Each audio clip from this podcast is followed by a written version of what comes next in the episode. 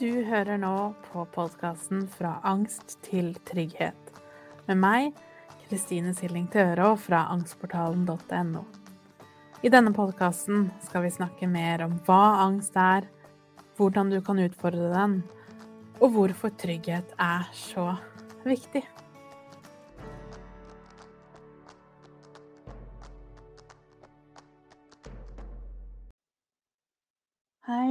Velkommen til episode 77. Og i dag så skal jeg snakke direkte til deg som tenker eller opplever, føler at du ikke har noen traumer. Og det gjør at angsten du har i dag, klarer du ikke helt å sette i sammenheng med noe annet. Det føles som om den enten bare kom kasta på deg, eller den har bygd seg opp av noe eh, annet. Eh, at det har vært mye av mye stress, mye som har skjedd.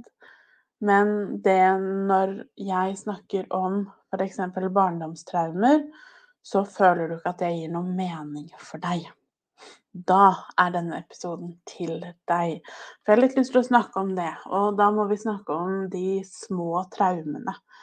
Um, vi må snakke om de små tingene som vi alle opplever. For min erfaring er at når vi ikke ser våre egne mønstre eller våre egne traumereaksjoner eller traumer, så er det som oftest heller fordi vi kanskje har et litt annet bilde av hva det betyr, heller enn at det ikke er der.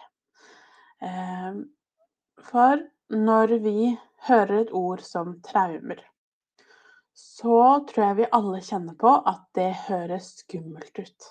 Det høres stort ut. Og så er det ikke da så rart at du ser på ditt eget liv og ser det har egentlig ikke vært noe sånn spesielt. Eh, det har vært ganske normalt. Eh, mor og far har eh, alltid vært glad i deg, alltid gjort så godt de kan. Alt føles helt OK, og allikevel er angsten der. Ehm, og det er det mange som føler på. Og som sagt, jeg tror en av de største grunnene er fordi vi misforstår litt det ordet traumer. For igjen, traumer er et voldsomt ord. Og derfor så tenker jeg at vi kan starte med å bytte ut det ordet traumer. Så hvis det ordet er noe som føles vanskelig eller stort og på en måte gape over, så bytte ut ordet traumer med mønstre. Det kan gjøre det litt lettere å være med på hva jeg snakker om når jeg snakker om traumer. Og kanskje mer spesifikt barndomstraumer. For jeg vet det er mange også som opplever at angsten du kjenner på, kommer fra noe i nåtid. Eh, og det kan veldig godt være, men jeg er også av den tro at de fleste av oss har med oss noen mønstre fra tidlig i livet som gjør at situasjonene vi står i i dag, er litt vanskeligere eh, enn de hadde trengt å være å forholde seg til. Jeg skal forklare hva jeg mener. Så vi hopper tilbake til de små traumene.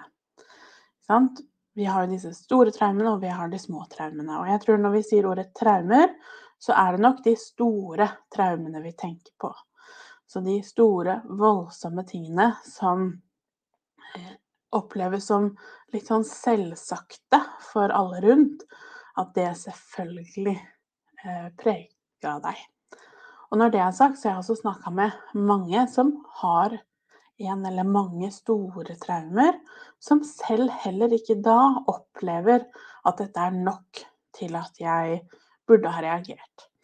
Så det handler jo veldig mye om da Heller enn at det vi har opplevd ikke er nok, så handler det jo mer om vårt syn på hva vi faktisk har opplevd. Så de små traumene eh, er jo da de tingene vi opplever som på det tidspunktet vi opplever de, er for brå, for voldsomme, for urettferdige, for uforståelige for oss til å prosessere. Og helst da er det en sånn natur at vi også blir stående igjen alene med opplevelsen av det sjokket eller den vonde følelsen i etterkant, uten god nok hjelp til å forholde oss til, føle på, arkivere den følelsen. Og det er jo her mønstrene våre kommer inn. Så når du som liten opplevde å kanskje ikke føle deg bra nok i en eller flere situasjoner, kanskje du opplevde å føle at ikke hele deg var akseptabelt. For eksempel, du følte deg kanskje ikke like mye sett og forstått om du var sint som når du var glad, eller når du var frustrert. Eller i hvilken stor grad var det ok at du sa nei, at du ikke ønsket ting, ville ting. Og ganske sånn klassiske eksempler som jeg husker veldig godt fra min barndom, er jo hvor ofte de eh, rundt meg f.eks. ikke lenger ville gå på fotball. For eksempel, og så sier foreldrene ja, men nå har vi meldt deg på det her, nå må du gå og løpe ut. Nå må du fortsette med det. Vi kan ikke bare gi oss med en gang. Og så går månedene, kanskje til og med årene. Du går på denne fotballtreningen, hater hvert øyeblikk av det. Eh, ber og tigger om å være så snill, kan jeg få lov til å slutte eller bytte til noe annet? og så får du ikke lov. Det er jo noe som er ganske vanlig. Det er enkelt å se på den situasjonen som ja, barn må jo lære å, um, å måtte øve, vi kan ikke gi opp for tidlig, vi må øve på konsekvenser, alt dette her. Men hvis vi går inn i den situasjonen i et barneperspektiv, og hvordan det føles hvis du som voksen skulle nå blitt plassert i en eller annen situasjon, en jobb, eller en treningssituasjon med noe som du virkelig ikke likte. Om det var det sosiale i det, kanskje det var det at du ikke likte sporten i seg selv. Kanskje det var vanskelig, kanskje du ikke bare eh, Du fikk det ikke til, det var noe annet du hadde heller lyst til. Men så er det da noen som bestemmer over deg mer enn det du gjør, som forteller deg at ja, men nå har du jo prøvd, så nå må vi jo bare fortsette. Og jeg tror nok vi alle kan kjenne på at det føles ugreit hvis vi for hver gang vi starta med noe, måtte ha gjort det minst et halvt år eller år før vi fikk lov til å gi opp. Og det er de tingene som skaper de mønstrene vi har gjennom livet. Eller det kan ha vært at kanskje du opplevde at foreldrene dine var mer glad og fornøyd når du kom hjem med gode karakterer eller hadde gjort noe bra, enn når du ikke gjorde det. Og det er ikke nødvendigvis sånn at foreldrene dine ble sinte eh, eller helt tydelig uttalte at det var uakseptabelt at du kanskje ikke fikk toppkarakter, f.eks. Men det kanskje var heller eh, en mer subtil tone i lufta hvor det var en tydelig opplevelse for deg at når jeg gjør noe bra, så får jeg masse applaus, men når jeg ikke gjør det bra, så er det stille. Og det er den stillheten er farlig for et barn. Og da mener jeg stillheten i forhold til eller i møte med deg. Det å bli stående alene og kun oppleve omsorg eller oppmerksomhet når du har gjort noe som er i deres øyne oppleves som bra nok. Så her er det jo dressevis av eksempler på ting jeg tror de fleste av oss som er voksne i dag, tenker på som helt normale ting. Men når vi nå skal begynne å jobbe med oss selv, så må vi inn i det barneperspektivet. Hvordan var det for deg som barn å oppleve at ting du gjorde ikke var bra nok, at du ikke var flink nok, eller når du kanskje hadde en, en ugrei situasjon på ungdomsskolen hvor det kanskje var noe konflikt med, med folk i klassen. Du følte deg kanskje tilsidesatt eller ikke viktig nok eller ikke helt med i gjengen. Og den opplevelsen av å kanskje ikke kunne snakke om det hjemme. Fordi du enten visste at dette her ville de ikke forstå, kanskje de vil gjøre et stort nummer ut av det. og det vil gjøre det verre for meg. Så det å fortelle om vanskelige ting føltes kanskje utenkelig. Og det er jo her mønstrene våre kommer inn. For det gjør jo det. Når vi vokser opp, og det er kanskje én eller flere følelser som ikke er akseptable, kanskje vi begynner å undertrykke sinnet vårt, kanskje vi begynner å gjøre flere ting som vi egentlig ikke har lyst til, men så vi gjør det og fortsetter med enten fordi vi ikke får lov til å slutte, eller fordi vi gjør det vi, som blir forventet av oss.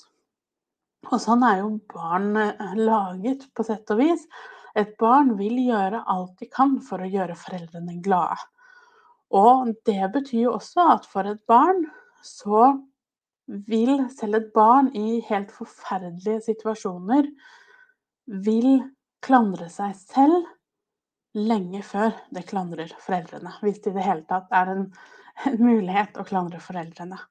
Det er jeg, det er meg, det er noe gærent med, ikke foreldrene mine.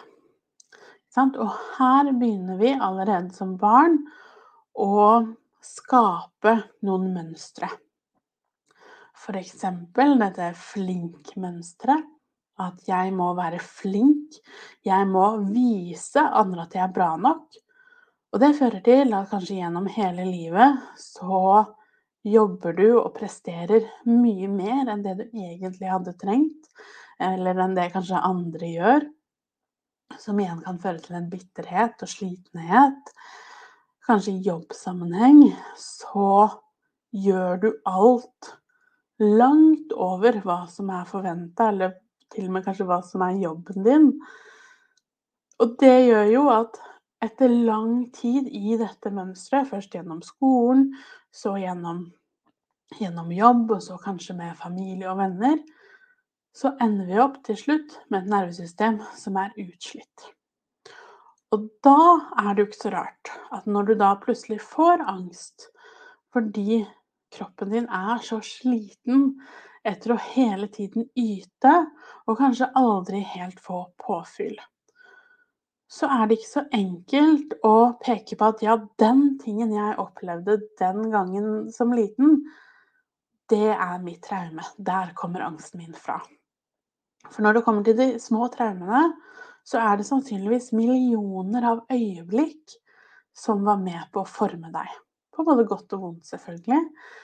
Men det er jo gjerne de på vondt øyeblikkene som fører til at vi som voksne blir utbrente, slitne, deprimerte, ikke føler at vi er gode nok på noe nivå. Og det er derfor jeg tenker hvis vi bytter ut ordet traumer med mønstre, så kan det både være litt lettere å se vår opplevelse for det det var, men også kanskje å, å følge det vi opplever i nåtid, tilbake til fortid. Så hva gjør at du i dag ikke har det bra? Er det fordi det har vært krevende jobbsituasjoner?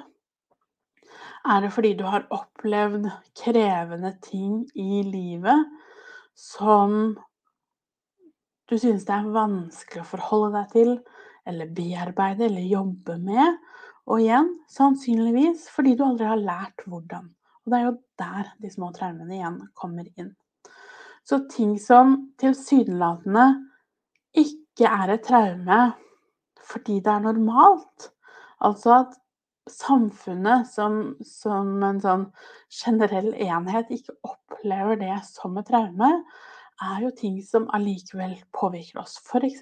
det å få barn. Eh, kan oppleves som et traume, til tross for at kanskje det ikke har skjedd noe spesielt. Og med det så mener jeg at kanskje fødsel ikke var det vi vil kanskje kategorisere som en traumatisk fødsel, men bare en helt ordinær fødsel. Men allikevel så er det helt normalt at en helt ordinær fødsel uten noen eh, spesielle hendelser utenom det vanlige også er et traume for både kropp og, og sjel. Um, det, og igjen, selvfølgelig etter det, det å få barn, det å være mamma eller pappa, også full av sånne triggere som kan få ting opp og skje. Eller det kan være jobbbytter, det kan være dødsfall. Det er mange ting i nåtid som kan trigge fram disse mønstrene. Og det betyr jo ikke at vi, hvis vi hadde hatt en, en oppvekst hvor vi ble gode på å forholde oss til alle følelser, at vi da ikke ville hatt noen plager som voksen. Det er i det hele eh, overhodet ikke det det er snakk om heller. For det er klart, det å oppleve vonde, vanskelige ting som voksne, det er jo nettopp vondt og vanskelig. Men hvis vi ikke hadde hatt med oss disse mønstrene, hvor, som kanskje gjør at det kanskje er vanskelig å gå i terapi fordi du selv der føler at du må være flink, at det er vanskelig å snakke om hva du egentlig føler, fordi at alt blir på et litt sånn prate-hyggelig nivå. Eller at du kanskje, når du er lei deg, så spiser du, eller du jobber altfor hardt på jobb, eller du ignorerer helt hvordan du har det i kroppen. Vi alle har våre ubevisste teknikker for å mestre ting her og nå. Det er jo bare at de fleste av disse som vi bruker når vi ikke har lært å forholde oss til oss selv, våre egne følelser, vil jo da gjerne føre til at ting går lengre og lengre før det til slutt smeller ut i f.eks. angst. Så ved å se tilbake på livet ditt, hvis du kjenner deg igjen i det at 'jeg har ingen traumer', det kom bare nå, det er ikke noe annet, så vil jeg at du skal huske på å snakke om dine traumer er absolutt ikke det samme som at vi skal finne noen feil, eller at noen har gjort noe galt mot deg. Vi er ikke ute etter noen. Vi skal ikke ta foreldre. Og er du forelder selv som da blir livredd for å skade barna dine på denne måten, så vit at dette her handler ikke om, for de fleste av oss, at noen med overlegg har gjort noe ille mot deg. Og det handler heller ikke om at vi noen ganger som foreldre tråkker feil, at vi blir kjempesinte eller urimelige eh, fordi vi er både slitne og sultne og leie.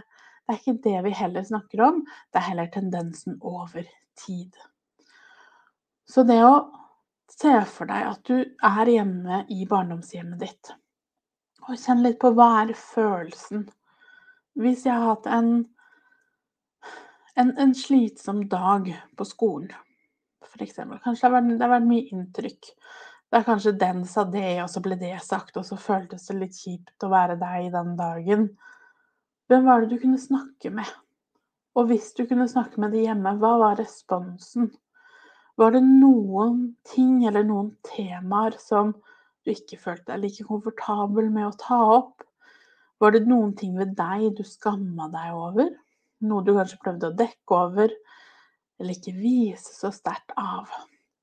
Så når vi snakker om de små traumene, så er det de helt subtile tingene som har formet oss, og skapt mønstre som kanskje på sikt er uheldig for deg. Som har gjort at du har holdt inne mer enn du har fått pratet om og plassert og behandla på en god måte. Og derfor tenker jeg, og påstår jeg, at vi alle har en ryggsekk full med traumer. Og jeg opplever at de fleste av oss vil havne i kategorien småtraumer. Og det forskning da også viser med de små traumene, det er at selv om vi tror at det er de store traumene som vil gjøre de største eh, utfallene, så er det eh, helt omvendt. Og noe av grunnen til det, at det er de små traumene som kanskje gir størst utslag, er nok både at de er litt skjulte, at det er vanskeligere for oss å forstå sammenhengene. Vi kanskje klandrer oss selv lenge før vi eh, klarer å plassere skylden et annet sted, eller vi klarer ikke helt å skjønne, og derfor så ber vi ikke om hjelp. Det er, det er jo vanskelig å be om hjelp for noe du ikke vet du trenger hjelp til. Det er jo ganske naturlig. Og Det er vanskelig å endre mønstre når vi bare opplever at vi er og føler og gjør det som er helt normalt. For det er også et, et viktig poeng her, er at den måten du vokste opp på i din familie, det var din normal. Og det er ikke før vi blir litt eldre at vi kanskje begynner å se at kanskje andre foreldre gjør, eller andre familier gjør ting litt annerledes. Um, at vi begynner å se at kanskje det er forskjellige måter å gjøre ting på. Men allikevel helt normalt å kjenne at den måten dere gjorde ting på, det er det riktige. Det er det normale. Og igjen, når vi har da disse mønstrene over tid som gjør at ting blir vanskelig, og spesielt handler det oftest om følelseslivet vårt, så er det jo igjen vanskelig å bryte det eller gjøre noe med det eller få hjelp når vi opplever at det, sånn jeg har det, er bare normalt. Så målet her er altså ikke å um, finne ut av at du er sterkt unormalt, eller at det er noe alvorlig galt med deg, eller at noen har gjort noe galt. Det er heller at vi må ta en nærmere kikk på våre egne mønstre. Hvordan forholder jeg til meg selv? Hvordan tenker jeg om meg selv? Hvordan forholder jeg meg til følelsene mine? I hvilken stor grad klarer jeg å gi uttrykk for og føle på, um, og kanskje navngi det jeg egentlig føler på? Og det er det de små traumene handler om, og det er derfor det er så ekstremt viktig. For vi kan ikke få hjelp for noe som vi ikke engang vet er galt, eller som vi ikke vet er problemet. Og det er derfor vi må først forstå hva ligger bak angsten. Og så kan vi begynne å tråkke disse mønstrene opp tilbake i tid og finne utgangspunktet. For alt vi opplever, påvirker jo, påvirker jo hvordan vi forholder oss til livet vårt i dag. Om det er vonde ting som skjer, eller gode ting som skjer, så kan det være vanskelig ut ifra hvordan mønsteret vi har med oss i ryggsekken. Så jeg håper det var litt oppklarende. Dette kan du også lese mye mer om i boka mi 'Ikke ta deg sammen'. Og hele steg to handler jo i stor grad om dette. Og til deg i Angstportalen så er det igjen steg to der også, hvor vi jobber mye med, med følelsen og det som ligger bak. Så Finn de ressursene som gir mest mening for deg. Lurer du på noe, så må du bare si ifra. Hvis du har et spørsmål som du vil jeg skal ta opp i en senere episode, så kan du sende meg en melding på Instagram. Da finner du meg som Angstpedagogen.